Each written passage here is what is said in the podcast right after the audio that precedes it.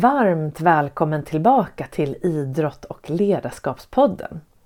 Det är dags för avsnitt 120 och eh, det här avsnittet har fokus på det som kallas för self-care eller förmågan att ta hand om dig själv och självkänsla och självförtroende. Och självförtroende har ju varit den här månadens fokus. Det är maj 2023 och varje år har jag en kalender med månadstips för välmående och prestation med mental träning då som inriktning och även med inslag då av medicinsk yoga och mindfulness. Och så finns det då ett tema varje månad och den här månaden har då handlat om själv, ditt självförtroende och hur man gör för att stärka det. Och här finns det ju två delar. Man kan säga att det finns ett yttre självförtroende men också ett inre självförtroende och där kommer man också då i kontakt med självkänsla. Och ur den mentala träningens perspektiv som då har forskat på det här med välmående, inre och yttre välmående i många, många år och i Sverige sedan 60-talet. Där finns självbildsträning då, eller det här att stärka din självbild, självkänsla och så med som den andra grunden. Och eh, det är ju för att det är en sån otroligt viktig del för att bygga upp vårt välmående och därmed då våran förmåga att prestera. Den första grunden är ju då din förmåga att hålla dig lugn under press eller veta hur du gör för att reglera din spänningsnivå. Där handlar det mycket om stresshantering. Så det är den första delen och de här går såklart lite hand i hand också. Så jag tänkte att vi skulle ägna det här avsnittet åt det här och till min hjälp har jag då bjudit in två fantastiska medarbetare från Kerstin Florian som är sponsor till den här säsongen. Så eh, personerna jag har bjudit in är Maria Grunditz som är global marknadschef på Kerstin Florian och Kristina Sanardi som är global chef för produktutveckling och utbildning.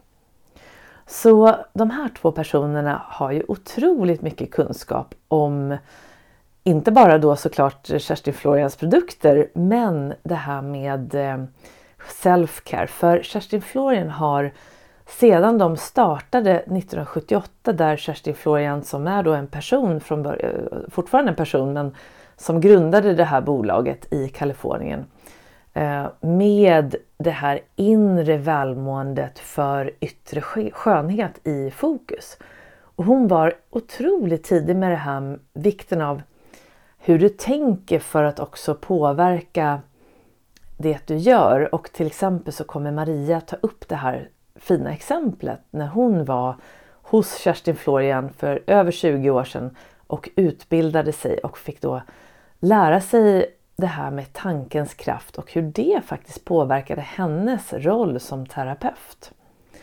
Så Maria pratar om det och hon kommer också komma in på just vad är egentligen self-care? Det här ordet som då är på engelska. Så det låter ibland, vissa ord låter ju bättre på engelska. Det är svårt att överta, översätta dem till svenska men det handlar om din förmåga och din ja, kunskap om hur man gör för att ta hand om sig själv helt enkelt. Och eh, anledningen att det är så viktigt är ju för att vi känner ofta att vi inte har så mycket tid och det är viktigt att vi kan se att det inte behövs så mycket tid för att ta hand om oss själva.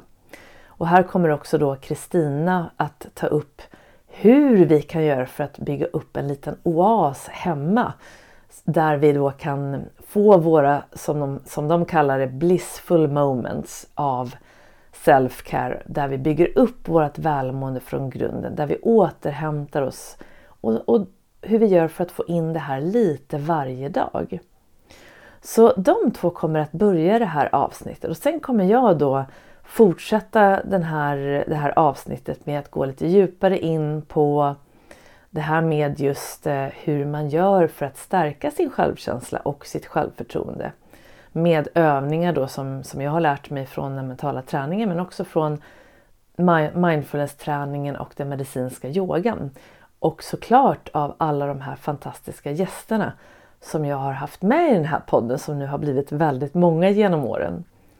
Och de delar ju otroligt mycket av sin, sin kunskap och sin inspiration här.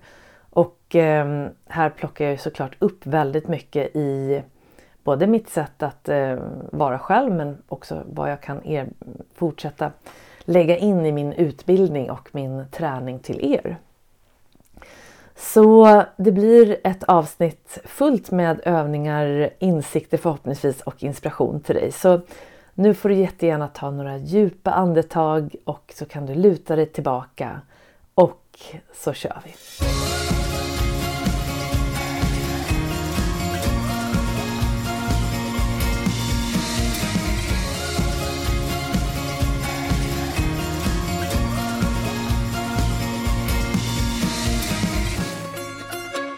Då är ni varmt välkomna tillbaka till Idrott och ledarskapspodden som idag befinner sig på Artillerigatan hos Kerstin Florian som jag är mycket glad att presentera som sponsor till podden den här säsongen.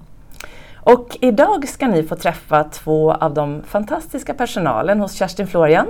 Och det är Maria Grunditz som är global marknadsdirektör och Kristina Sanardi som är global direktör över produktutveckling och utbildning.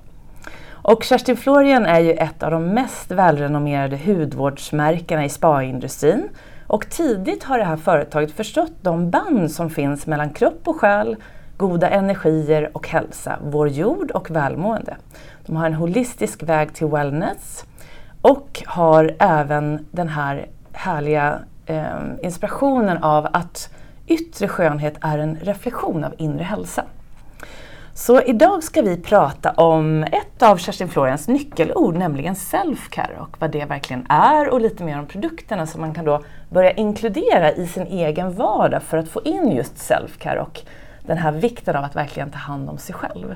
Så varmt välkomna hit! Tack, tack, tack så, mycket. mycket. Tack så mycket. Det är väldigt roligt att vara här. Um, och um, ja, det här Vil begreppet self-care. Ja. Um, uh, det är ju så här att om ni har sett det här i magasin och tidningar och artiklar och uh, undrar vad är det här för ord som bubblar upp och uh, finns väldigt frekvent så, så har ni helt rätt, det är så. Eh, men det är inte ett begrepp som eh, har uppkommit just nu utan det har funnits länge. Men har fått en liten, eh, ett litet uppsving kan man säga. Och vi vill jättegärna berätta lite mer om vad det är och eh, vad det innebär.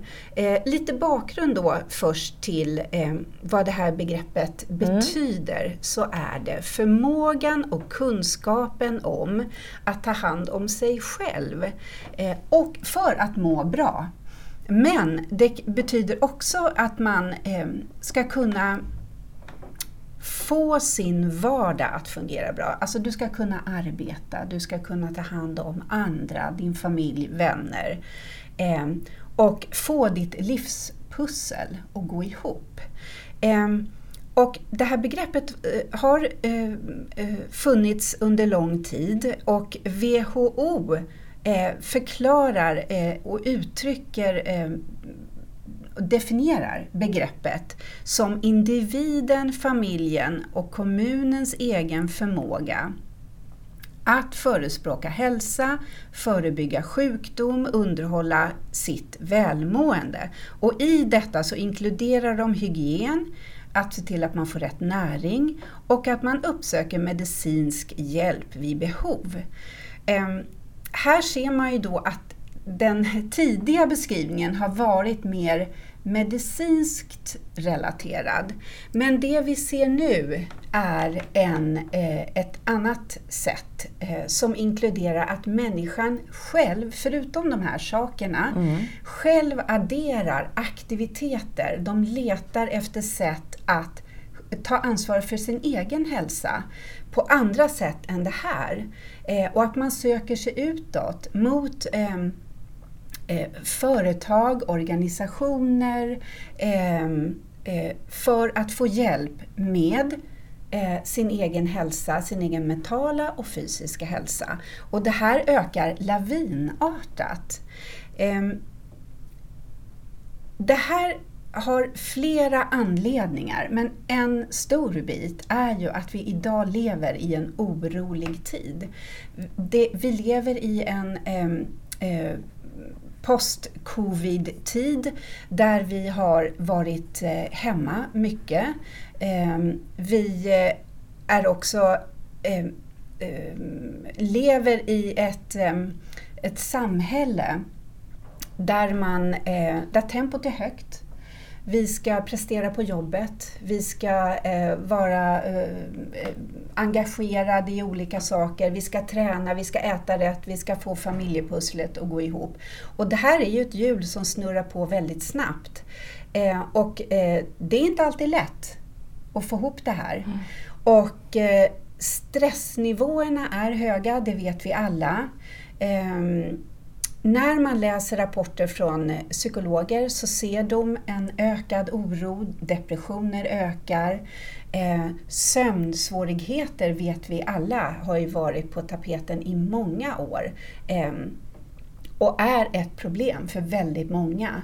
Eh, och det, här, det är de här sakerna nu eh, som människor själv känner att nej, jag måste se vad kan jag göra för att jag ska må bra och vad behöver jag för att eh, eh, jag ska eh, vara frisk, mm. för att jag ska orka med. Eh, och det är det man idag menar med self-care, alltså de aktiviteterna du själv gör eh, för att, eh, att må bra och eh, eh, ändå hålla det över ytan. Just det, och att det inte behövs så mycket utan att, man har, att det ska vara lättillgängligt och Precis. att man har det nära till hands. Man behöver kanske inte ens åka någonstans för att göra det och att det räcker med en väldigt liksom, kort stund per dag. Exakt. E, exakt. Och eh, om man då tittar på Ja, vad är det här nu då och vad är det man kan göra? Vilka frågeställningar är det man ska ställa till sig själv? Eh, för det är ju så här att varje individ är unik och man måste själv fundera på vad behöver jag göra för att må bra? Vad tycker jag om? Vilka behov har jag? Vad gör mig lycklig, lugn, tillfreds? Är det meditation? Något som inspirerar mig intellektuellt? Eller så enkelt som att gå en promenad med min hund i skogen? ta ett bubbelbad, eh, få lite tid för mig själv. Men det kan också vara att jag tar en hel dag på spa där jag bara får njuta, eh, få behandling, få beröring. Vi vet att det taktila är ju eh, oerhört effektivt. Eh, så self-care är personligt och inte samma för alla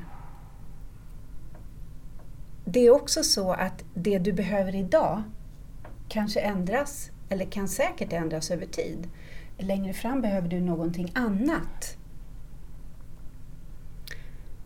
Och om vi, om vi ska titta på en kategorisering, för att hålla oss lite här till fakta, så kommer vi in på lite av det roliga sen. Just det. Eh, det Kristina ska berätta om, med vad man, vad man faktiskt kan göra. Men kategoriseringen här är eh, self-care, den kan vara emotionell, fysisk eller spirituell. Och pratar vi om det emotionella, då kan det till exempel vara att säga nej till saker som du vet stressar dig. Man behöver inte säga ja till allting. Välj med omsorg. Också det här att ge dig själv pauser i vardagen. Det kan vara en kort stund, men stanna upp eh, och se där, när kan jag ta en paus och bara vara? Emotionell self-care kan också vara att regelbundet träffa människor du tycker om, som ger dig energi. Mm. En vän, ta en kopp kaffe. Um, eller ta, som jag sa tidigare, ett bad med aromaterapi. Och den fysiska self-caren, ja det är, är ju då förstås att träna fysiskt och där um, ska man hitta en rörelse som man tycker om och som man kan göra ofta. För det är ju det här med regelbundenhet. Hitta någonting eh, som du känner att det här passar mig. Eh, det är också att prioritera sömnen. Eh, se till att du skapar förutsättningar för att kunna sova bra. Eh, till exempel inte ta med dig datorn i sängen. Eh, och eh, att varva ner på olika sätt innan. Eh, det är också att välja hälsosam mat istället för processad mat. Om vi går in lite på det spirituella så är ju det meditation. Ehm, det kan vara att jobba med välgörenhet. Skapar också en, tillfredsställ en inre tillfredsställelse. Och faktiskt också att man kan eh, lista saker som du är tacksam för. Det är också ett, ett bra sätt att eh, få sig själv att gå in på en positiv tankebana spirituellt. Mm. Ändra ditt sätt att tänka. Och som sagt, eh, self-care eh, kan vara en hel dag på spa. Men det kan också vara bara gå ut i skogen och andas, ta djupa andetag. Så det kan vara en investering i pengar men det kan också vara en eh, investering i tid. Ehm, eh, och eh, om vi går in lite på jag tycker det är intressant det här med våra sinnesupplevelser. Här får ni gärna flika in. Vi glömmer ofta bort dem idag. Vi rusar på, vi hinner inte se, eh, vi hinner inte känna. Ehm, så till exempel om man tappar upp ett bad, eh, så när man gör det, då ska man stanna upp och tänka hur låter det när vattnet rinner? Hur känns det när vattnet och skummet, vilket jag alltid tycker man ska ha, det är lite härligt. Hur känns det mot huden? Och hur doftar det? Ja, det är verkligen... Så att man, ja. att man, att man, släpp, man låter... Man tänker medvetet på sina sinnen, för jag tror ibland måste vi göra det. Absolut, det är ju ett sätt att öva sin mindfulness. Mm. Med att eh, känna efter och eh, tänka nu, nu ser jag det gröna bladet, nu ser jag vattendropparna, eh, jag känner doften. Så det är verkligen att öva upp sin närvaro och sin mindfulness. Och sen det där vet man ju även när man eh, både äter allt man gör. Så jag jobbar ju jättemycket med det här med mina klienter just att det, där man är där är man så att säga. Så att för, för, vissa har ju verkligen ingen tid över. Så jag jobbar ju mycket med mammor som har barn och de är mitt i karriären. Och då känner de att de har bara ingen tid. Men Precis. då kan man ju, det man ändå ska göra till exempel om man ändå ska duscha då eller om man liksom har den där stunden för badet, att man då också lägger in alla sinnen för då blir det återhämtning på en sån otroligt mycket högre nivå. Och det är samma sak när du faktiskt äter, apropå mindfulness. Man vet ju att om du ska äta en sallad om du är mindful och närvarande när du äter salladen, då kommer din kropp ta upp mer av näringen mm. i salladen än om jag sitter och mm. tänker på något annat och bara slevar i med den. Då blir det inte alls samma effekt. Så det kan nästan vara som att det inte är som att jag åt en sallad. Förstår ni? Visst, visst det är så otroligt ja. Mm. kraftfullt att mm. sinnet får landa mm. i kroppen som ni pratade om förut också innan vi startade det här med att kropp och sinne i balans. Och där kan ju verkligen mm. self-care vara en det är ju self-care på en jättehög nivå. Ja, det är det man verkligen gör då. Mm. Alltså när man eh, är medveten om sina sinnen, att man lyssnar, man känner, man eh, ser, observerar, det är self-care. Eh, Just det.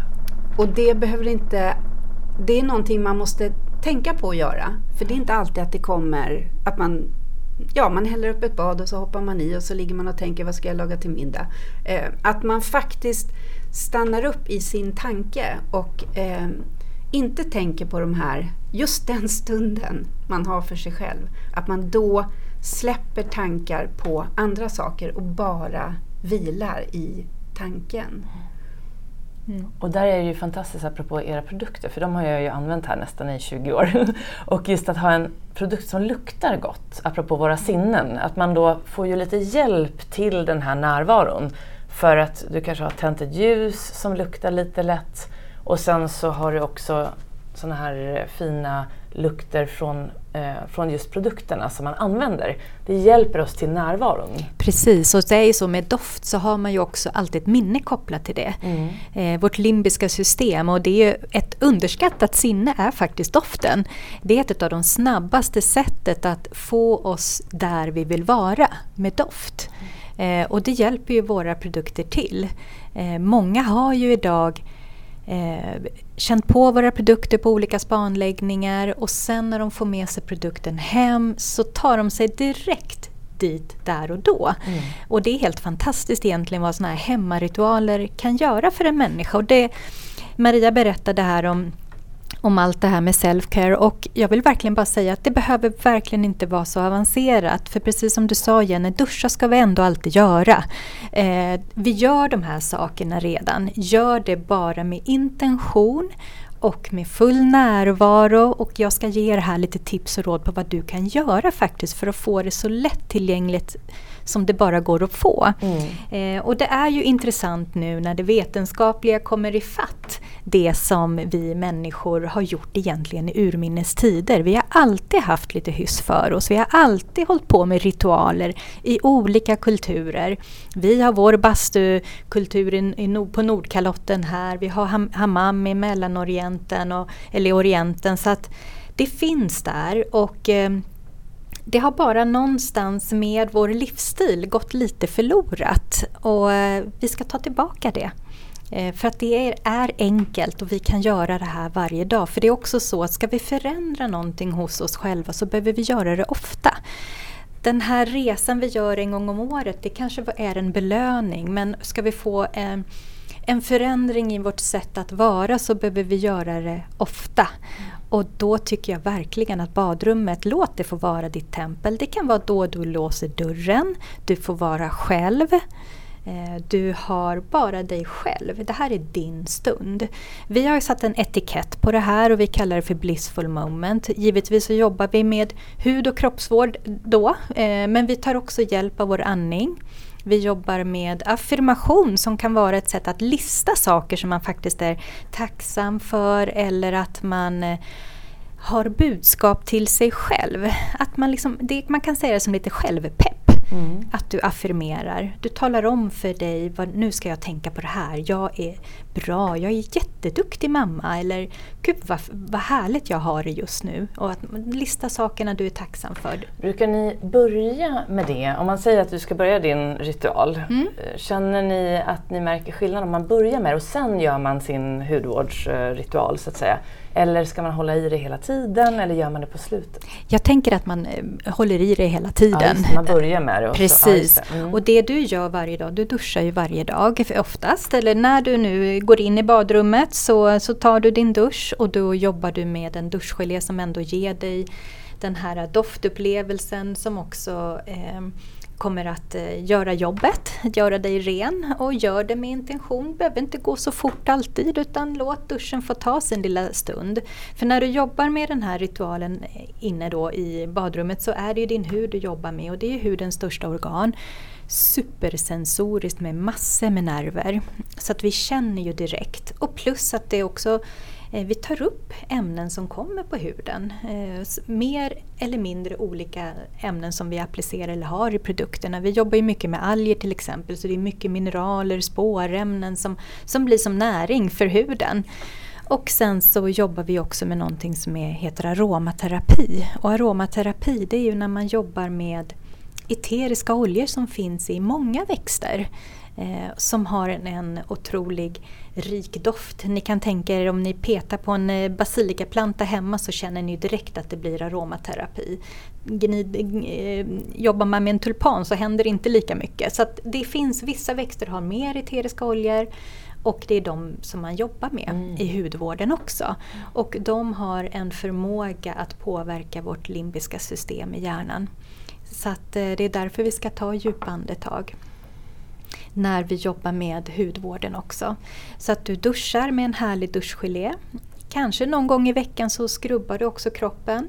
Och då gör ju du det, stänger av duschen och tar, beroende lite grann på vad du har för slags skrubb. Vi har ju krämskrubb och då tar du det medan eh, kroppen fortfarande är blöt och skrubbar metodiskt tänker att nu skrubbar jag min kropp. Och sen ska man, ska man göra det också i cirklar ja. mot hjärtat, eller hur? Precis, ja. exakt så. Mm. Och det är ju för att vi vill ju stimulera vår cirkulation. Mm. Och den går vi då mot hjärtat och också vårt eh, lymfatiska system. Så det blir som en liten detox. Mm. Bara att vi gör det, att vi sätter liksom fart på kroppen. Och tänk att nu skrubbar jag min kropp och jag känner doften av den här härliga kamomillen som just den här skrubben innehåller då. Mm. Eh, och pimpstenen känner jag hur den verkligen eh, tar bort torra hudceller. Så det är det man använder som skrubb, eller själva eh, vad ska man säga, skrubben? Ja, precis. Det, heter, det, det är pimpsten. Pimpsten, pimpsten är den. Okay. Ja. Mm. Sen har vi ju en annan skrubb när det är salt. Eh, mm. Och salt är ju också ett väldigt naturligt sätt att skrubba sig. Det har människan gjort länge. Eh, och då är det salten som, som skrubbar kroppen mm. och den här har ju en, en, en, ganska rik doft på eukalyptus mentol så att man liksom känner nästan hur luftrören vidgar sig och, eh, och man känner att man får vitalitet till kroppen. Och du skrubbar på samma sätt, cirklande rörelser från de yttre delarna av kroppen mot hjärtat. Mm. Och sen så sköljer du av. Eh, och sen kommer vi till när vi kliver ur duschen och vi har tvättat av ansikte och kroppen så eh, börjar vi med att smörja kroppen. Och faktum är att det är ju ljuvligt att få massage av en annan människa. Men det kanske vi inte kan göra varje, varje gång. Utan, men vi får fina effekter av att faktiskt massera eller att smörja oss själva. Och särskilt om vi gör det på dekolletaget. Och då tycker jag att ni ska välja någon av våra kroppsoljor som alla är aromaterapi. Och eh, det finns lite olika inriktningar på vad man vill ha. Man kanske vill ha eh, en olja som innehåller lavendel till exempel om man har svårt att sova. Då är lavendel verkligen en sån här gå och sova-olja. Mm. Och då gör du den här ritualen på kvällen. Du smörjer dig omsorgsfullt, gärna lite extra på dekolletaget. För jobbar man där på bröstet så ökar också oxytocin utsöndringen i kroppen. Så det är liksom självmedicinering kan man säga. Mm. Så både med produkterna som du applicerar på kroppen och faktiskt att du gör beröring på dig själv ändrar eh, hur dina hormoner är i kroppen, särskilt då självberöringen där. Du blir lugn, stressaxeln bryts och det för, hjälper dig för en god nattsömn också. Mm.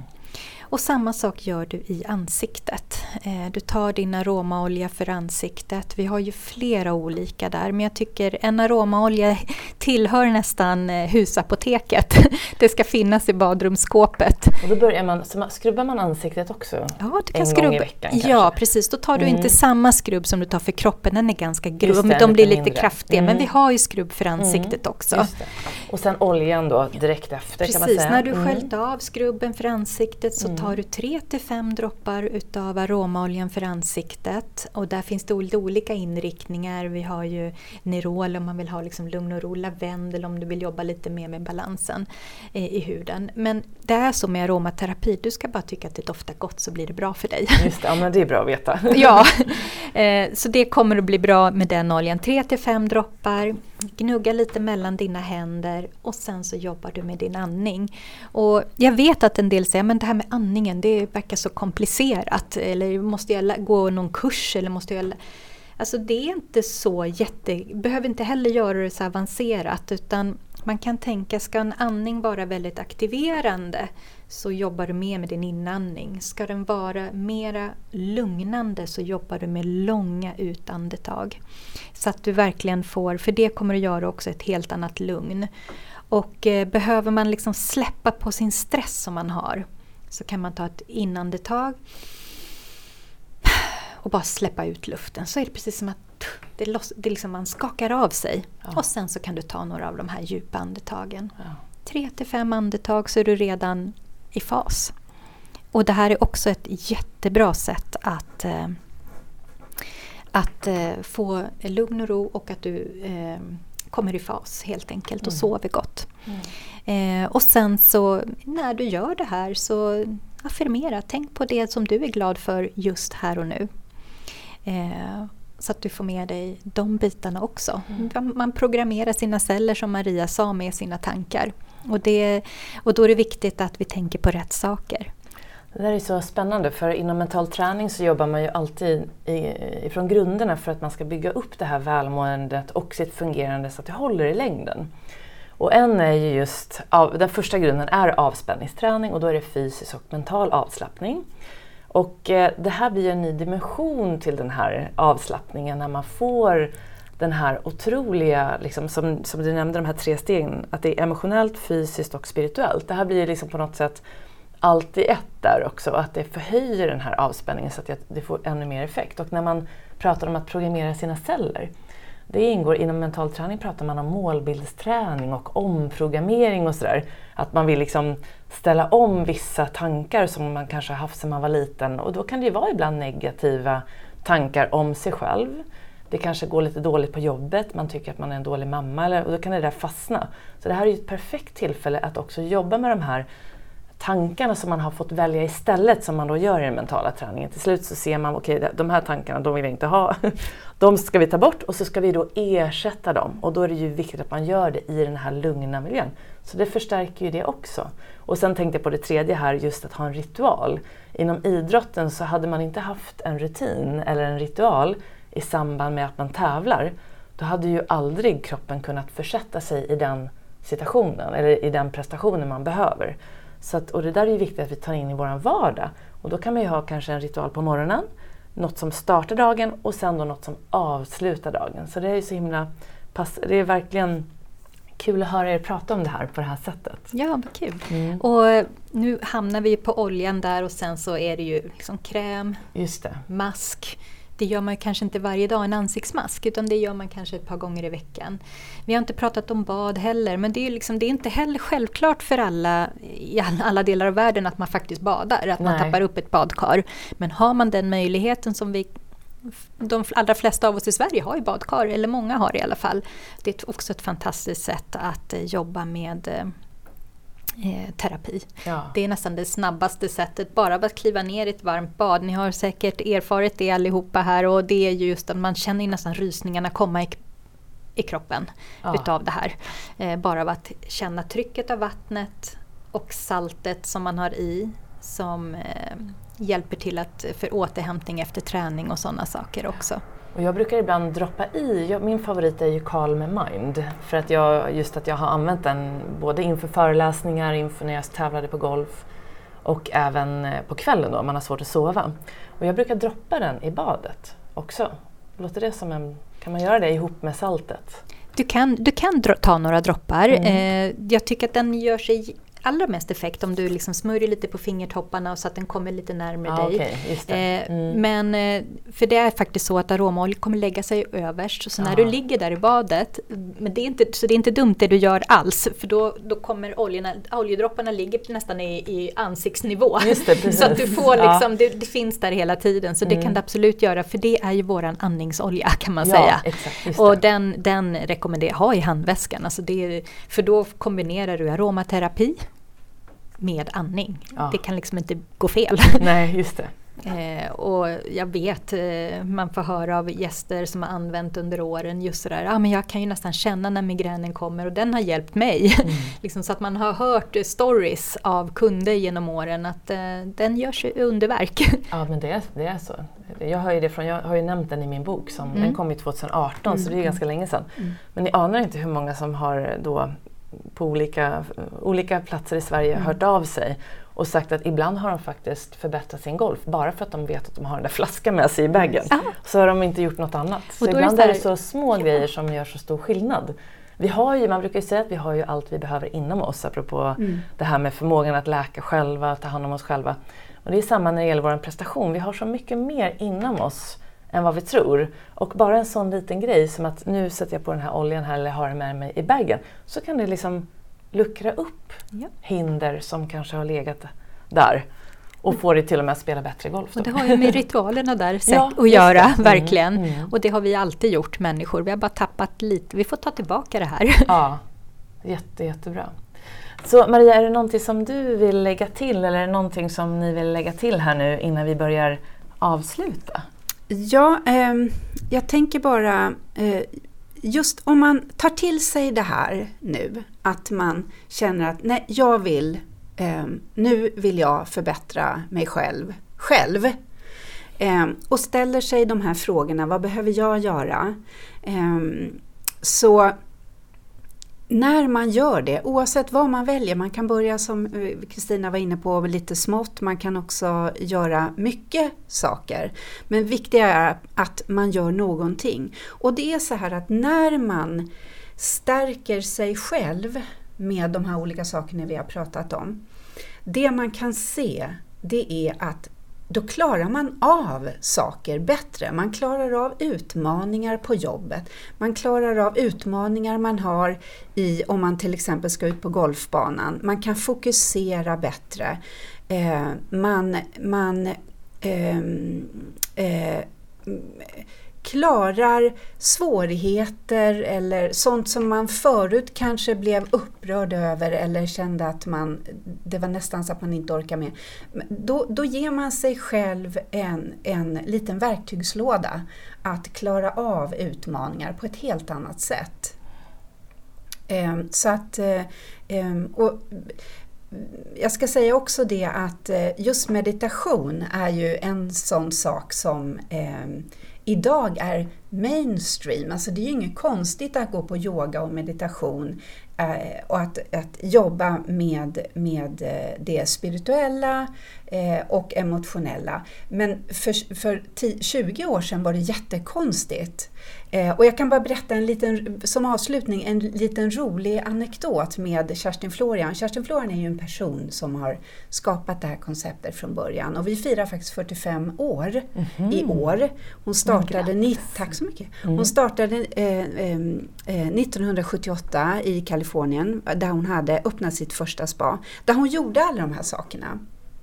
På den tiden var det jättemärkligt. För att hudvård då var bara ansiktet. Men hon kopplade in fysisk träning, hon var ute och promenerade med folk på stranden, eh, sa hur de skulle äta eh, och att de skulle jobba med det mentala. Och eh, på den tiden, tidigt 90-tal, när hon kom till Sverige eh, så jobbade jag som hudterapeut och eh, hon hade utbildningarna med oss.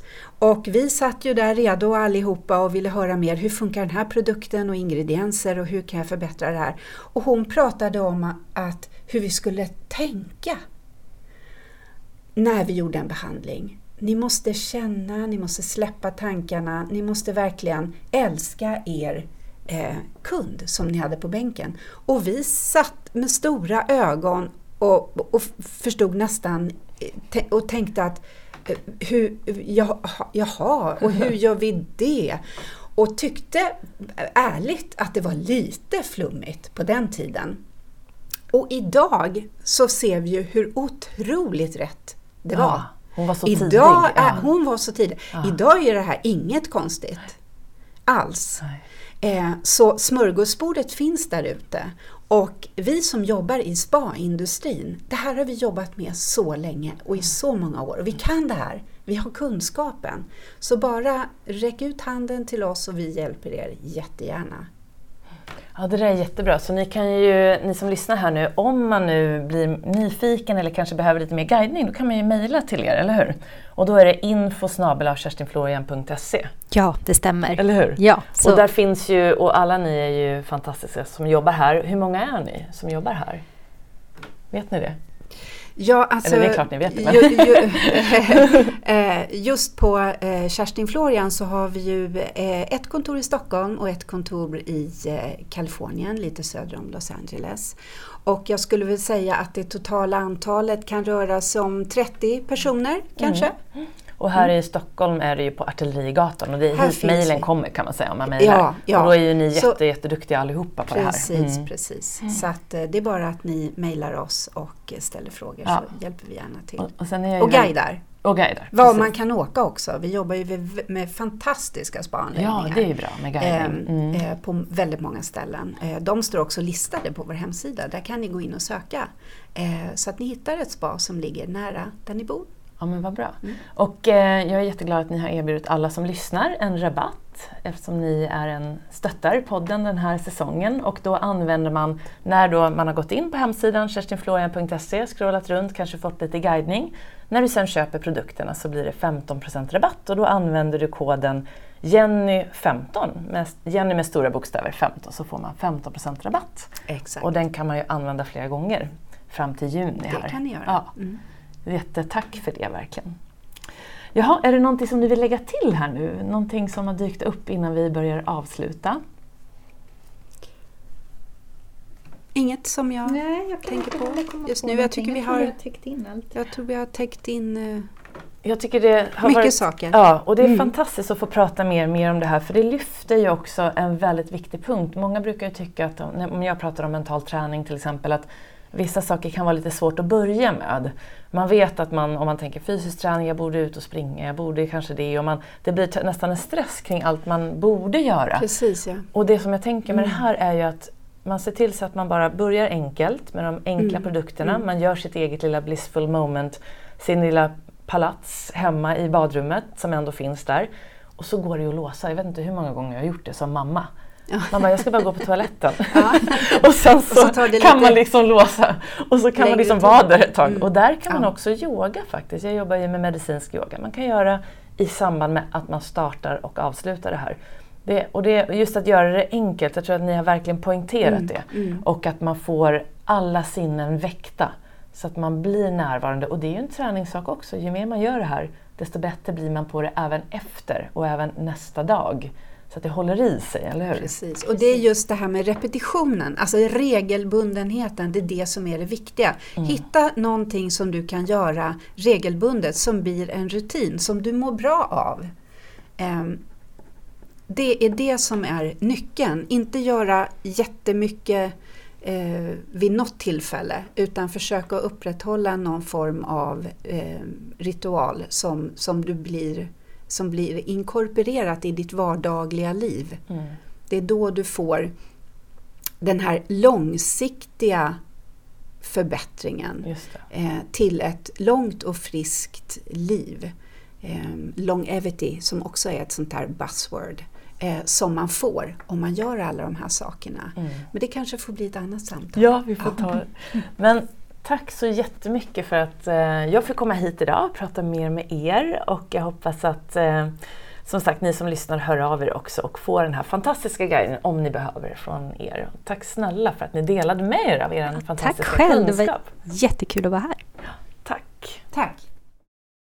Tack så jättemycket till både Maria och till Kristina för att ni delade med er av den här kunskapen kring selfcare och även hur vi då kan göra för att börja få in det här med välmående och eh, vårat, eh, vår förmåga att ta hand om oss själva in i vår egen vardag i form av att till exempel skapa en liten oas då i vårt badrum. Och där har jag själv då haft det här lilla oasen under många, många, många år och jag tror att det kan vara en av de räddningarna som jag haft för att kunna behålla mig flytande under de här åren när man har jobbat eh, på heltid och samtidigt eh, haft småbarn och eh, startat eget och försöka få ihop allt. Och jag har verkligen tagit till mig det här av att ha en ritual. Och framförallt är jag noga med den på kvällen som ett avslut på dagen. Så i badrummet så brukar jag då gå in när barnen har somnat och då gör jag min ritual kan man väl säga där jag har nämnt det här tidigare för er också att eh, man brukar ju säga inom den mentala träningen och forskningen apropå välmående att vi behöver lägga in 7 till 15 minuter per dag på någon form av avspänningsträning för att kunna hålla vår grundspänning låg och ha en rimlig chans till att kunna hantera oss själva som moderna människor i den miljö som vi, som vi alla lever i nu för tiden. Så att låsa in sig på badrummet en stund på kvällen och göra då som jag brukar göra tre olika medicinska yogaövningar där andningen ingår. Och här har jag ju då såklart Och det här har jag haft många, många år sedan innan eh, Kerstin Florian också var sponsor här till podden. Att jag har haft då den här Calm Mind som jag brukar nämna här. Men också de här fantastiskt gott luktande eh, duschkrämen, skrubben och även den här oljan som, eh, som vi pratar om som Kristina nämner. Det finns ju olika oljor. Jag gillar den som är lavendel eftersom jag ofta gör det här på kvällen och jag känner att det hjälper mig med min sömn. Så även Calm Mind är ju en olja då med lavendellukt eh, och lavendel i som är lugnande.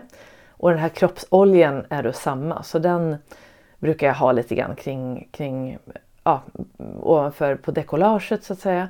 Och eh, ibland så smörjer jag också in kroppen med det.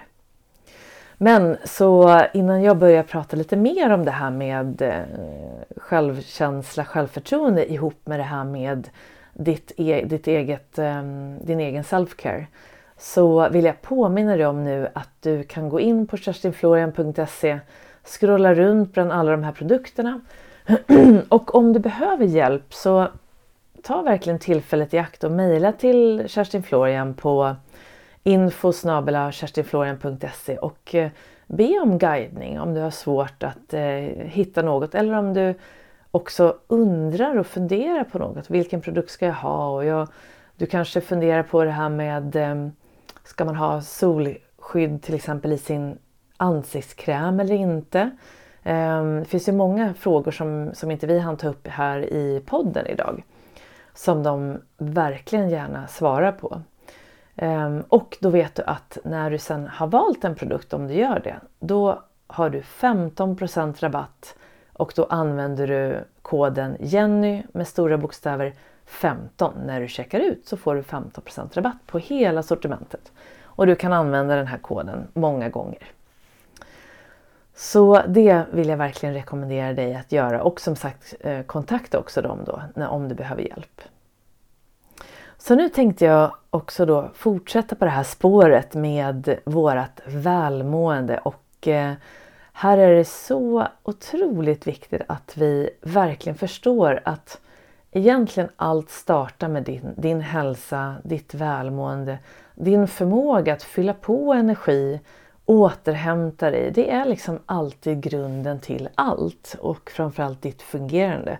Men sen också till hur hur du fungerar med alla andra du möter. Så vi sprider ju det vi har inom oss till alla andra.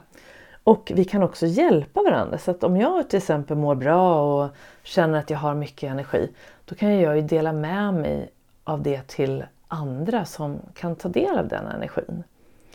Och eh, självklart så är det så ibland att om jag inte mår bra så ehm, betyder det ju inte att jag inte ska prata med andra så att säga och dela med mig. Utan då kanske det är ännu viktigare att jag pratar och ber om hjälp. Um, och frågar hur, hur ska jag göra för att fylla på min energi. Då kan du få från andra. Så vi ger ju och tar så att säga från varandra hela tiden. Eh, så, så länge någon har något att ge så, så kommer den här liksom cirkeln att fungera. Men vi säger nu att ingen fyller på sig själv, ingen kan ge, då, då är det ju jättesvårt att få den här, den här cirkeln att rulla på. Så att kom ihåg att du gör det inte bara för dig själv, du gör det också för andra. Och var inte rädd för att be om hjälp. Så om vi nu kommer vidare och pratar om det här med eh, att ta hand om sig själv så är ju, eftersom jag jobbar väldigt mycket, eller jag jobbar mest nu med just mental träning, så blev jag så fascinerad av just den här modellen som Lars-Erik Unestål grundade för många, många år sedan och som de flesta idrottare som jobbar med mental träning idag de jobbar ut efter de här grunderna som Lars-Erik tog fram. Och det var ju inte han som egentligen tog fram det, men han sammanfattade all den här forskningen som fanns på den tiden, alltså början, slutet på 60-talet, början på 70-talet. Det som fanns dittills då och sen byggde han vidare på det här för att försöka se om det fanns gemensamma nämnare på något sätt som då byggde upp våran inre och yttre framgång, alltså vårt välmående och vår prestation. Och idag har jag precis bara för några timmar sedan avslutat mitt samtal med min nästa gäst här i podden som kommer nästa vecka. och nästa fredag då, eh, om du lyssnar på det här i realtid. Och det är Carolina Klüft. Och det var ju en otrolig ära att eh, få ha med henne i podden så jag pratade med henne idag i en timme. Och hon, jobbar ju, hon är ju inte bara en av världens främsta atleter utan hon jobbar idag som verksamhetschef på Generation Pep som verkar för att öka rörelsen och välmåendet hos barn och unga i Sverige. Och hon påminner ju verkligen om det här vikten av vår hälsa, vårt välmående. Utan det så, så är det liksom ingenting som fungerar. Och det är ju egentligen låter så enkelt när man säger det. Men det är in, fortfarande inte den högsta prioriteten som samhället har. Utan det är andra saker och då är det som att vi bygger vårt hus från taket istället för att börja från grunden. Och det var så befriande och, och härligt att få prata med Carolina idag. För hon har ju verkligen förstått det här i tidig, tidig ålder och även som idrottare så förstod hon det här att hennes prestation berodde ju väldigt mycket på hur hon mådde. Och hon gjorde precis som många andra atleter. Först att hon var väldigt kopplad till prestation. Men sen förstod hon att det här är ju inte hållbart. Jag behöver ju behålla glädjen. Jag behöver jobba med välmåendet i grunden för att, för att på så vis kunna prestera på topp. Och sen är hon också, så, hon är också väldigt noga med att säga att det finns inte ett recept för alla. Så det vi pratar om och det jag ofta kommer, försöker påminna om det är just att det finns grunder i den mentala träningen. Men jag blev också påmind om när jag pratade med Carolina idag att självklart så är det så att det finns egentligen inte kanske ett recept som passar för alla utan du måste själv gå tillbaka till dig själv. Och här kommer vi då in på det här med din självkännedom, din självkänsla, ditt självförtroende och förmågan att lära känna dig själv. För att förstå vad just du behöver. Eh, så att man kan ta till sig tips och råd från alla andra. Men man kan också tacka för ett tips men kanske inte ta till sig det ibland. Och för att kunna göra det här så behöver vi känna oss själva, förstå oss själva ehm, och på så vis förstå vad just jag behöver. Så jag hoppas verkligen att du kommer att vara med till nästa vecka och lyssna på det här samtalet med Carolina för det var helt fantastiskt att få prata med den här otroliga kvinnan som där jag verkligen kände att hon är en världsmästare på alla plan och en världsmästare som person med hjärtat på absolut det rätta stället så att säga. Men så för att återgå då till dagens ämne och fokus med det här med självkänsla, ta hand om sig själv, bygga ditt välmående från grunden så kommer vi då in på det här med självförtroende också, självkänsla. Och för att ändå få en form av, eh, man kan väl kalla det ordning eller en liten struktur i sättet vi liksom bygger vårt välmående så vill jag ändå komma in på självbildsträningen som är då den andra delen i den mentala träningen. För att den, den, är ju där av en anledning. Så den första delen som jag nämnde då i början av avsnittet är ju avspänningsträning. Din förmåga att reglera din spänningsnivå och här är det ju stresshantering. Att kunna förstå när du har spänningar i kroppen som kommer från negativ stress där oro och rädsla finns med i bilden som inte då kanske är verklig utan den, den är liksom inbillad, den stör. Och inte in, det är inte den här positiva stressen som vi behöver när vi ska prestera och liksom, eh, när vi behöver stresshormoner på ett positivt sätt så att säga. Till exempel om man ska tagga till och gå ut på en föreläsning eller eh, du kanske ska springa ett 100 meters lopp eller ja, då behöver vi liksom tagga till ibland och det är också stresshormoner. Men man kan skilja det där på prestation och försvar och vi vill ju inte vara i det här försvaret eh, på fel sätt för att det är då det tär på oss väldigt mycket. Så det är den första grunden och där kan du gärna gå tillbaka då till avsnitten här i podden där jag pratar mer om det och har du min bok så är ju det här också med som den första grunden.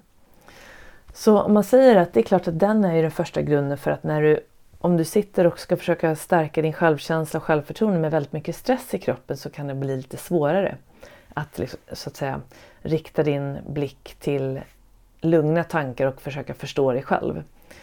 Men i alla fall, den här självbildsträningen då, där ingår då både självkänsla, självförtroende, självkännedom, självinsikt. Alla de här delarna som handlar om din bild av dig själv. Och här vill vi ju då stärka våran bild av oss själva kan man säga. Förstå att du duger som du är, precis som du är. När du föddes så var du ju perfekt, du är perfekt fortfarande. Men det kan ju ligga då olika hinder från din egen förmåga att se det här. Ibland är det lättare för andra att se dina styrkor och att du är fantastisk precis som du är. Du behöver inte prestera för att vara bra och så vidare. Det, det är lite lättare att se utifrån men när vi är vi är ju väldigt nära oss själva så att säga. Vi har våra känslor, vi har våra tankar som blir då vårt beteende. Vi är så nära det. Så det är väldigt svårt ibland att se det där själva. Så därför behöver vi ibland ha någon att prata med som kan hjälpa oss bli den där observatören. Men du kan också börja förstå hur du kan bli observatören för att börja stärka då din egen självbild genom träning själv. Så att det är väldigt bra att be om hjälp. Det kan vara väldigt svårt. Eh, om du tycker att det är svårt så självklart be om hjälp. Och här kan du alltid höra av dig till mig såklart. Om du har frågor eller funderingar så ska jag göra mitt bästa för att svara. Och du kan ju boka in också såklart mental träningssession. Men du har också kanske nära vänner du kan prata med, kanske en partner. Ehm, du kanske har en terapeut som du går till. Så att gå inte för länge med funderingar och frågor utan sök hjälp i så fall så att du kan börja få svar. Men om du känner att du, du, liksom, du är nyfiken och du, du tror att egna övningar kan faktiskt vara någonting som du är motiverad att börja med. Då tänkte jag här ge dig några exempel eller tips på hur du kan liksom börja då. Så återigen, se till så att du vet hur du ska göra för att lugna ner dig om du behöver. Se till så att du har din stresshantering på plats. Och parallellt med det då så kan du ju då börja jobba med din självbild. Och här tänkte jag faktiskt den här gången att vi skulle, jag skulle dela med mig av ett självbildstest som jag har, som alla mina klienter får. Och eh, jag kommer inte ta med hela testet men jag kommer ge dig några hintar till hur du kan börja jobba med det här och jag kommer lägga upp det på min blogg. För det är lättast så, så det kommer finnas en länk då i det här avsnittet så att du kan gå till min blogg som finns på min hemsida jennyhagman.com och där kommer du kunna se då hur du kan börja. För att det som är viktigt är ju då hur du ser på dig själv.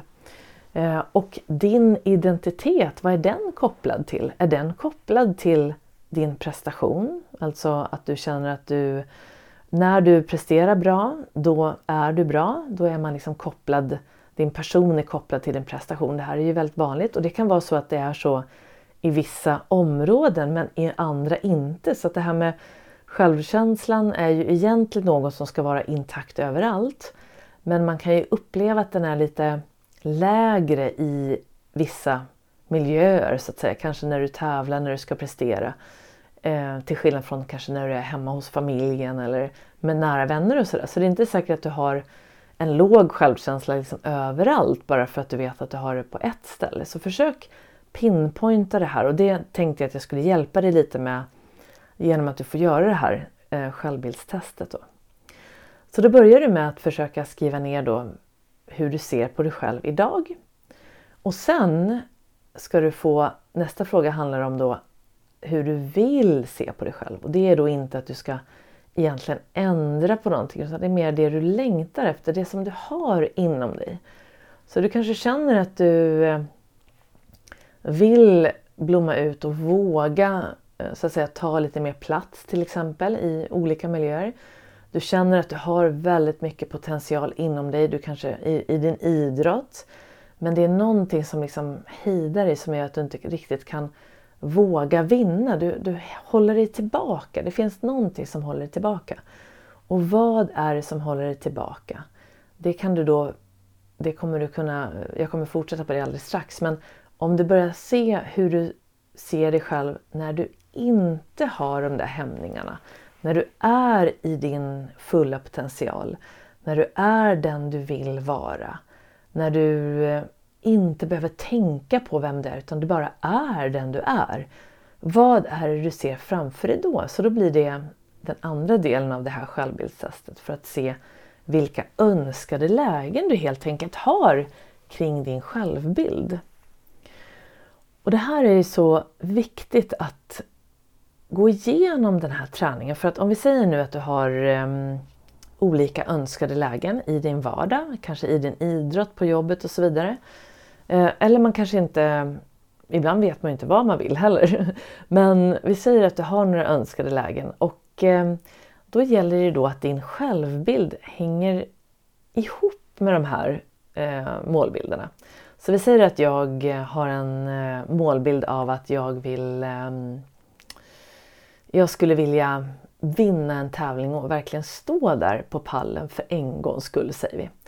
Jag brukar säga att man kanske inte ska ha just resultatmål men om man bryter ner det där, man jobbar ju med målbilderna också på ett sätt att de ska ge energi.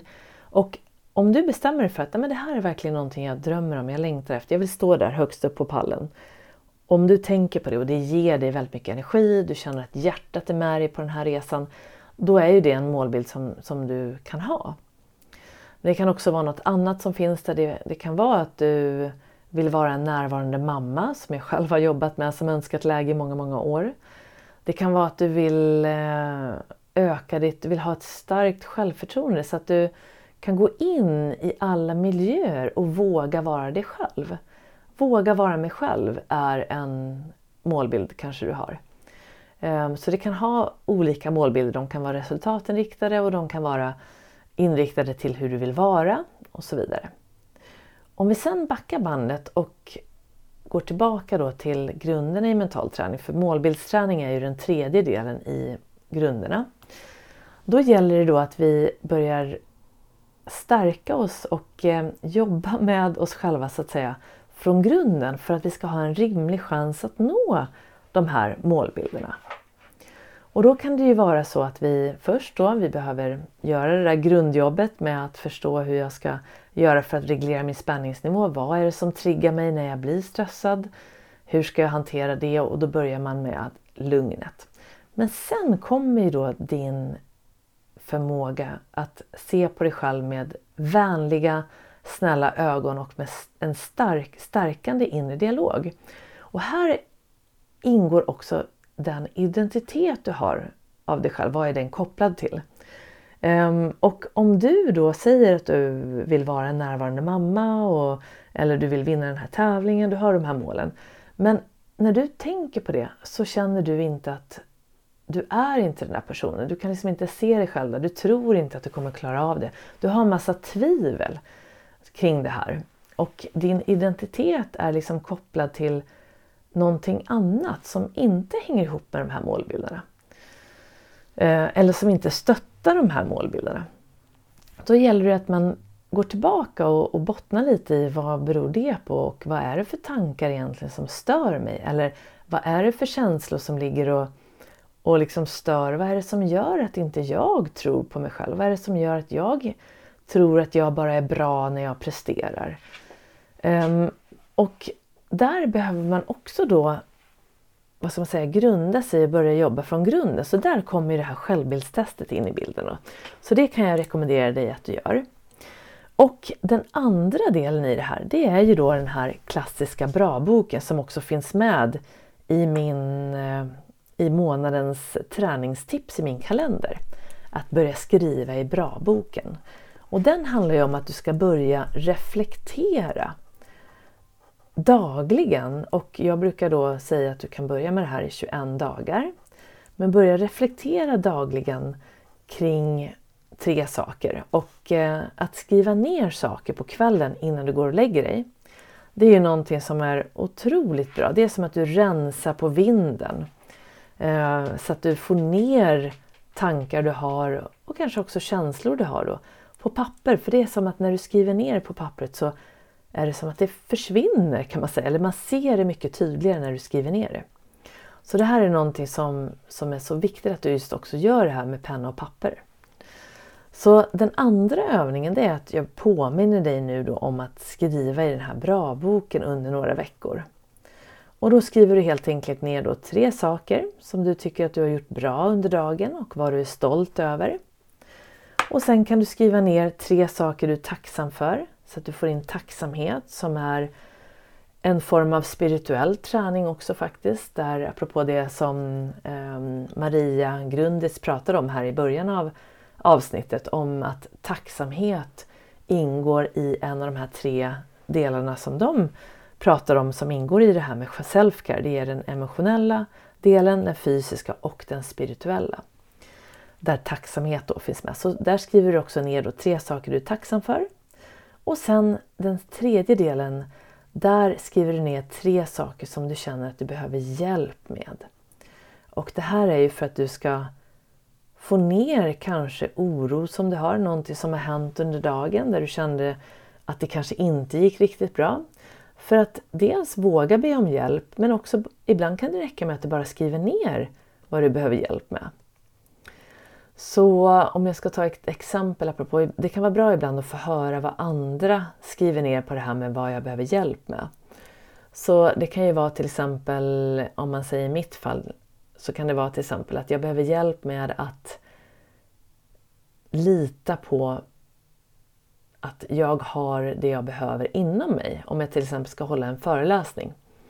Då har jag ju utbildat mig och jag har varit med om mycket saker. Jag är ändå 50 år så att jag har ju nu ganska mycket år i bagaget. Så att nu för tiden behöver inte jag förbereda mig så mycket för föreläsning utan jag gör en plan och, och det finns ett område som jag pratar om såklart. Men förberedelsen har ju redan skett så att säga. Så att när jag väl ska gå in i föreläsningen, det viktigaste för mig nu för tiden det är ju då att jag är närvarande och lugn. Och ibland då så kan jag fortfarande ibland halka tillbaka till att jag kanske sitter och läser på lite extra precis innan jag ska gå in på scenen eller innan jag ska starta föreläsningen. Um, och då kan det istället skapa stress. Så där brukar jag påminna mig om att jag behöver hjälp med att lita på att jag har det jag behöver inom mig.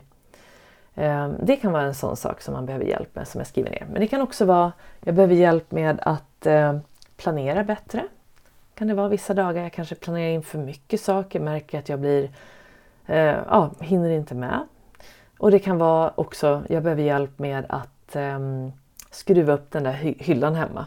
Så det kan ju vara lite olika saker. Men om det nu är så att du inte hittar någonting här så försök ändå skriva ner minst en sak där. När det gäller de första, första två delarna, tre saker jag, jag ehm, jag har gjort bra och som jag är stolt över och tre saker jag är tacksam för. Det ska du alltid försöka hitta. Och hittar du ingenting på bra då är det jag har ätit idag, jag gick upp ur sängen i morse, jag drack vatten, ganska små saker. Men om du gör det här regelbundet så kommer det bli lättare och lättare att hitta. Och det här handlar om att du börjar liksom lite grann, det handlar om reflektion men det handlar också om att börja lära känna dig själv. När man gör någonting regelbundet du reflekterar regelbundet, då börjar du bli bättre och bättre på att observera lite hur du reagerar och vad som händer och, och hur du är i olika situationer. Så att du kan ta med dig, om du nu tänker det här med hjälp då, att eh, det kan ju kanske verka som att det är någonting som var en motgång eller något som inte gått bra och då är det lätt att falla in i det här. Nej, jag är dålig för det här gick inte bra. Det kan ju ha då med en prestation att göra. Men om du riktar om det där och tänker jag behöver hjälp med att våga se motgångar eller saker som går dåligt som lärdomar. Då börjar du helt plötsligt liksom, vad ska man säga, hjälpa dig själv. Och det är ju verkligen self-care på en väldigt hög nivå. Och det här ingår ju då också i det som kallas självbildsträning då, i den mentala träningen. Som hjälper dig då att stärka den här inre dialogen. Så den övningen är ju jättebra att göra. Ehm, och sen om man nu ska... Jag, jag tänkte faktiskt ta upp två övningar till som jag inte tror att jag har nämnt här i podden tidigare. Det finns ju faktiskt ett helt avsnitt här i podden där jag pratar om just självbildsträningen. Eh, det är avsnitt 54 tror jag att det är. Jag blandar alltid ihop det med avsnittet innan som är målbildsträning. Så 53 eller 54. Och jag har också pratat om självförtroende i några andra delar, några andra avsnitt. Så att jag kommer att lägga in det här i, i avsnittets text här nedanför. Men den and, den, en, nästa övning som jag tänkte på som då hjälper dig stärka din självkänsla och hjälpa dig också förstå vilka miljöer som du kanske ska vara i och vilka du inte ska vara i. Det är värderingsarbetet. Och det här är ju en lite större arbete egentligen men jag tänkte att du skulle få börja fundera lite på det även här, eller redan här. Och den här finns också med i min workbook då som jag jobbar med, med med mina klienter när de, eh, när de jobbar med mig regelbundet. För då går vi igenom all, all den här träningen inklusive mindfulness-träning faktiskt då under ganska många veckor. Och värderingsarbete kommer, då till, kommer vi då till i självbildsträningen. Så här är det viktigt att du, man vet ju då i forskningen att när du är tydlig, det visar att när du är tydlig och vet vilka värderingar du har så kommer du fatta beslut som ger dig välmående. Och du har då också lättare att hamna i miljöer du trivs med. Så i till exempel ett företag så är det bra om dina egna värderingar stämmer överens med företagets. Då kommer din motivation att gå till jobbet att vara hög. Och tvärtom blir det då om det inte stämmer överens. Och det du kan påverka i första hand det är ju att veta vilka egna värderingar du har, vilka eg dina egna värderingar är. Det du, du tycker är viktigt och som stämmer med hur du vill vara och hur du vill leva. Så det är ju en, det är väldigt, väldigt bra att gå igenom det här. Och sen kan det ju vara så att när du kommer till ett företag, säg att du ska söka ett nytt jobb. Ehm, då är det ju bra att fråga vad de har för värderingar. Sen hoppas man ju då att företagen lever upp till sina värderingar. Och vill man ha reda på det lite mer konkret då kan du ju prata med folk som jobbar där. Du kanske går till företaget, känner in energin där innan du börjar. Om det nu går, för då får man oftast en känsla för är det här rätt för mig eller är det inte rätt för mig? Chefen, om du träffar den personen kommer du märka om du ställer rätt frågor själv, då kommer du få en hint om det här stämmer överens med dina värderingar. Så för att klara dina värderingar och hjälpa dig förstå då eh, vad de är så kan man börja med att, det här har jag faktiskt lärt mig, just den här övningen kommer faktiskt från Kjell Enhagers bok Låsningar och lösningar, så jag vill gärna ge honom cred för det här också. Och den, jag vet att Lars-Erik Unestål också har det här på sitt sätt i sin träning och även många andra. Eh, även James Clear tror jag i sin bok Atomic Habits pratar ju väldigt mycket om det här med din identitet. Att det är viktigt att den hänger ihop med dina målbilder. Så att om du till exempel inte har en identitet som stämmer med det du önskar, då kommer du inte börja göra de förändringar som du behöver, dina vanor så att säga, som du behöver för att nå dina mål. Så den boken är ju väldigt spännande att läsa också, hänger ihop med det här väldigt mycket.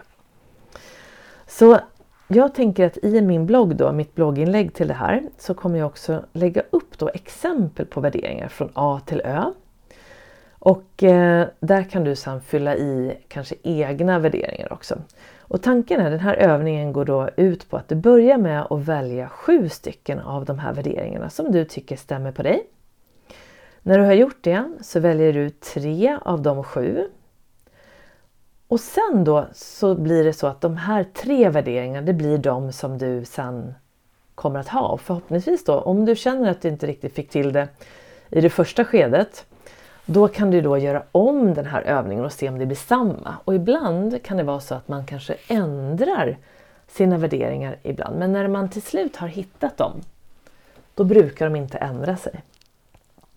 Så här då till slut när du har valt de här tre för att se om de stämmer med dig och om det, om det är rätt för dig så att säga.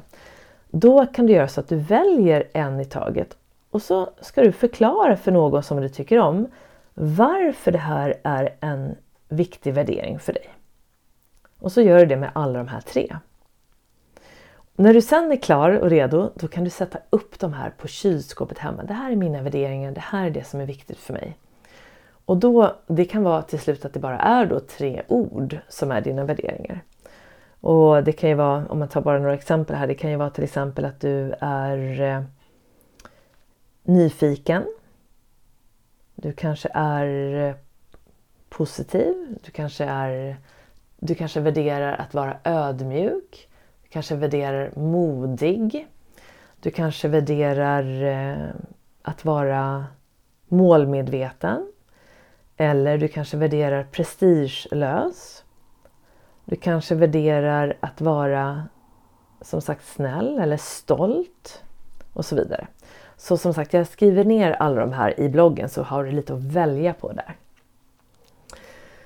Och, så det här värderingsarbetet kan ju vara någonting som man kan jobba ganska länge med så att det känns, så att det känns rätt för dig. Men det är värt det verkligen. Lovar dig att det kommer hjälpa dig fatta beslut också i framtiden kring alla områden du befinner dig inom. Så när det dyker upp en fråga, ska jag göra det här eller inte? Om det är, framförallt om det är stora beslut. Då kan du gå tillbaka. Följer det här mina värderingar? Känns det här liksom rätt för mig? Um, och då börjar du leva sant mot dig själv. Man börjar liksom förstå sig själv och då kommer du också förstå när du inte är i miljöer som följer dina egna värderingar. Då blir det väldigt svårt att må bra. Så det här är också det här med att ta hand om sig själv, att man gör sådana här övningar. Reflektera kring sådana här saker. För att till, till slut då hitta liksom ditt recept. Vad behöver du för att må bra? Vilken miljö behöver du? Vilka människor behöver du runt omkring dig? Eh, och det här är för att du också ska kunna ge det bästa av dig själv till andra. Så att vi liksom hela tiden tänker att vi lyfter varandra. Ju bättre vi mår själva, ju bättre, bättre vi förstår oss själva, desto bättre kommer vi också lyfta varandra. Desto bättre får du också en självinsikt kanske till varför andra beter sig som de gör.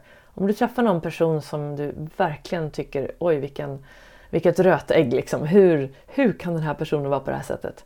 Men den personen agerar ju bara utefter den personens bästa. Utefter sin medvetandenivå. Hen kan liksom inte bättre just nu. Och det kan ju ha med mängder av saker att göra och där kan du gå tillbaka till den här modellen som jag brukar nämna som faktiskt också ingår i självbildsträningen i min workbook, den här SOAS. Du möter en person till exempel som triggar dig, säger vi. Då stannar du upp, observerar. Nu blir jag jätteirriterad, arg. Acceptera det. Okej, okay, jag håller inte med den här personen. Du accepterar det fullt ut. Jag blir nervös, eller jag blir arg, jag blir irriterad. Och sen släpper du taget om det du inte kan påverka. Vilket är då egentligen alla andra människor. Vi kan påverka dem genom hur vi själva är.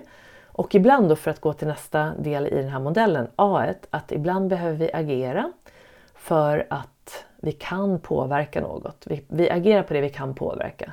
Till exempel om det är någon som beter sig väldigt illa mot dig så kanske du behöver stå upp för dig själv och säga ifrån.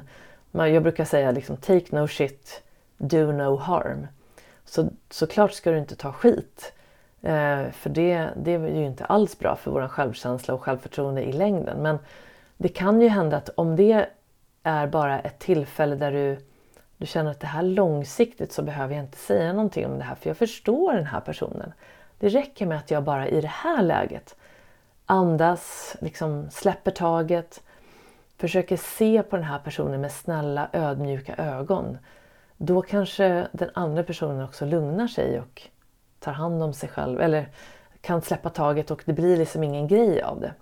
Och det där, jag vet, det där är så svårt. Eh, man vill ju ibland bara säga så här, men herregud, jag har rätt och du har fel. men kortsiktigt kanske man mår bra, men långsiktigt så lovar jag dig att den andra vägen kommer att vara mer hållbar.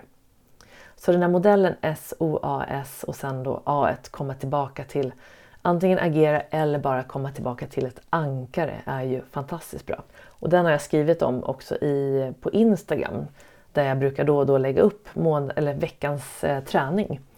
Um, så där kan du scrolla tillbaka och kolla och på mitt Instagram är ju snabel Jenny Hagman. Och sen den sista övningen som jag tänkte ta upp idag det är en övning som jag kallar från hjärnan till hjärtat. Så att när du är mycket uppe i huvudet, där de flesta av oss är för det mesta, då är det inte säkert att de där tankarna, allt det där som finns i huvudet stärker dig och hjälper dig utan ibland kan det vara tvärtom. Ibland är det bara att det är väldigt mycket tankar. Det är ofokuserade tankar och det är bara rörigt. Liksom. Det behöver inte vara att det är negativa tankar men har du en sån dag där det är lite rörigt, det är mycket i huvudet, det kanske, då kommer det leda till att du blir stressad, du får en hög grundspänning. Det blir svårt att fokusera. Det kan ju också vara om de här tankarna är väldigt negativa, att du börjar tära då på din egen självkänsla. Att du slår på dig själv och du liksom, ja det tär helt enkelt på din självbild. Och det vill vi ju inte göra utan vi vill ju börja försöka ändra på det här. Så nu har du fått några övningar här idag och du har ju också fått bra tips från Maria och Kristina omkring hur du kan få in både mindfulness-träning för att känna närvaron där man alltid mår och fungerar bäst och hur vi kan skapa den här lilla oasen för att få den där korta återhämtning som är faktiskt det som egentligen bara behövs för att, för att liksom hållbart må bra. Men så tänker jag också lämna dig med en övning som är en hjärtmeditation. För att du ska börja koppla på hjärtat helt enkelt i din, i din vardag och göra det också då och då när du behöver och kanske framför allt efter en prestation eller innan en prestation. Att du faktiskt börjar träna på att utgå från hjärtat och inte alltid från hjärnan. Så jag tänker att vi ska göra den här hjärtmeditationen tillsammans och om du gör den här i efterhand Eh, då kan du också stänga av här och så sätter du på en skön musik som du själv gillar. Vi kommer ha en musik här till den här meditationen som, som är en ganska neutral låt, om jag, så hoppas jag, som får, gör det, som får dig att må bra. Och så kan du göra den här meditationen då eh, när du känner att du har varit för mycket uppe i huvudet och du är lite tuff mot dig själv. Då bara landar du i den här hjärtmeditationen och jag lovar att du kommer känna dig bättre. Så om vi gör så här nu att du, eh, om du inte redan sitter ner så kan du sätta dig ner. Du kan sätta dig alert om du vill luta dig tillbaka mot ett ryggstöd så går det jättebra. Du kanske sitter på golvet i skräddarställning eller så sitter du på en stol. Sitter du på en stol då kan du ta båda fötterna mot marken. Sitter du på golvet då kan du sitta i skräddarställning. Och nu ska du få lägga den vänstra handen på hjärtat och den högra handen ovanpå.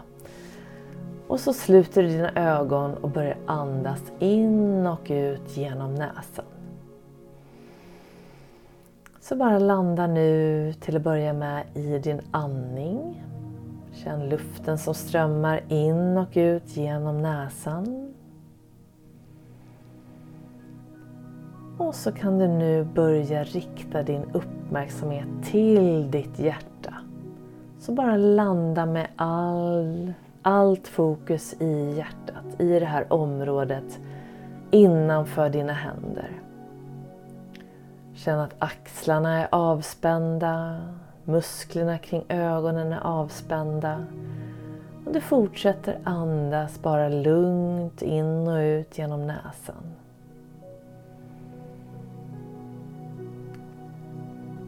Och så kommer du nu få sitta på det här sättet med långa, djupa, lugna andetag med allt fokus till ditt hjärta. Och medan du sitter här, bara låt allt som kommer få komma fram. Det kan bli mycket känslor som kommer när vi börjar rikta fokus till hjärtat. Låt nu känslorna komma. Det är känslor som vill komma upp och visa sig för att på så vis också lämna kroppen. Det kan lämna dig genom tårar ibland. Ibland kan det vara skratt. Och ibland är det ingenting. Så bara låt allting få komma som vill komma. Genom att du bara sitter här, lyssnar på hjärtat. Genom att du lägger din uppmärksamhet till hjärtat. Och så fortsätter du nu på det här sättet en stund till på egen hand.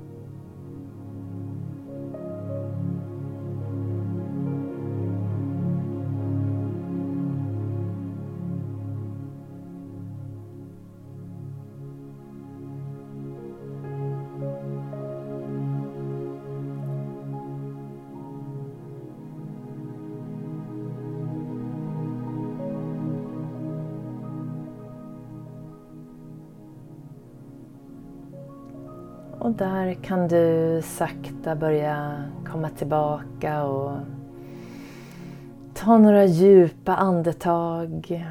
Om du nu skulle vilja stanna en stund till i det här så kan du ju då stänga av och fortsätta sitta en stund med händerna på hjärtat och bara lyssna. Och du kan ju sätta på en egen musik om du vill ha i bakgrunden. Men annars så tänker jag nu att du tar som sagt några djupa andetag. Och så kan du släppa ner händerna igen och så kan du sakta börja öppna upp ögonen.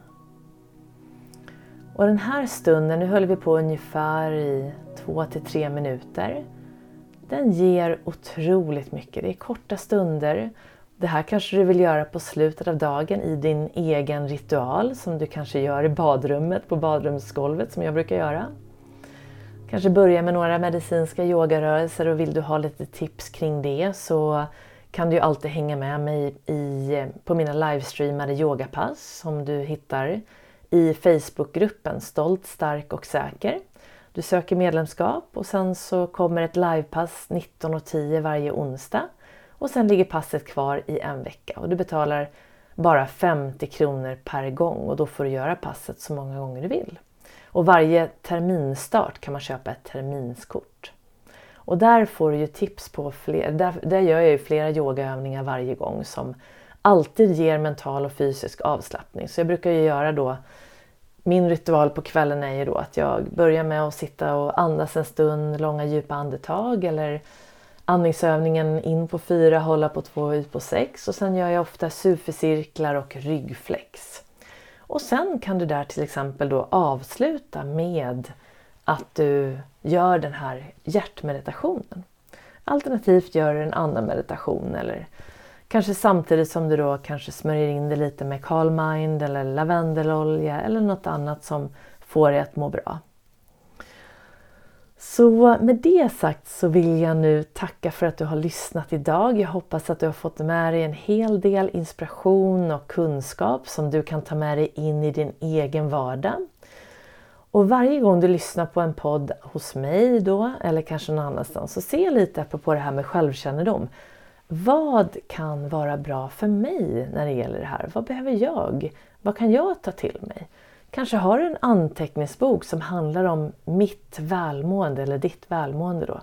Och så skriver du ner det när du hittar någonting som passar dig. Då skriver du ner det.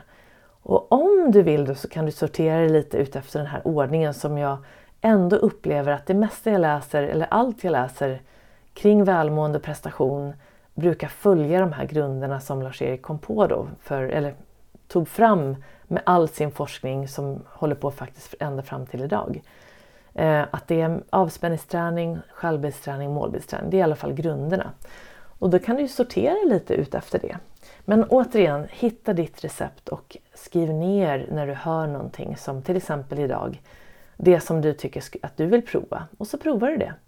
Och så vet vi att med träning så blir vi bättre. Så att regelbundenhet, återkoppling, be någon annan om återkoppling, feedback om du behöver. Att gå till någon som får hjälpa dig följa upp, det är ju en fantastisk väg för att utvecklas och det har jag själv alltid gjort. Jag har alltid haft en coach eller en mental tränare eller en mentor och det har jag fortfarande idag. Och du är alltid välkommen att höra av dig till mig som sagt om det skulle vara något. Och glöm nu inte då att om du blir intresserad och nyfiken på Kerstin Florian som jag återigen vill tacka för att de är sponsorer till den här säsongen så går du in på kerstinflorian.se och om du vill köpa någonting så använder du min kod Jenny med stora bokstäver 15 så får du 15 rabatt. Och vill du veta mer om vad som är på gång i min verksamhet så går du in på jennyhagman.com.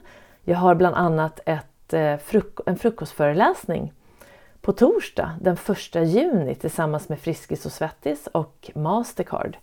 Eh, och här har jag skickat ut information i mitt nyhetsbrev om det här. Så om du är intresserad av det så kan du mejla mig på info jennyhagman.com och sen har jag tillsammans med hälsocoachen och självläkningsterapeuten Helena Stenberg ett self-care retreat den 1 till 2 juli i år 2023 Där finns det platser kvar. Det skulle vara jättekul om du ville följa med oss på det och där kommer det verkligen handla om att bygga ditt välmående från grunden och hela helgen handlar om din hälsa. Både ur det fysiska och mentala och spirituella perspektivet. Så du kan också läsa mer om det då på jennyhagman.com. Och så hoppas jag att du vill följa mig också på Instagram för mer regelbundna tips och råd. Och då hittar du mig på snabela Jenny Hagman. Tack igen för att du lyssnar. Ta hand om dig och jag hoppas nu också att du är med i nästa vecka där du får träffa Carolina Klyft som är den nästa gästen i podden. Tack för att du lyssnar. Ta hand om dig och så ses vi. Hej då!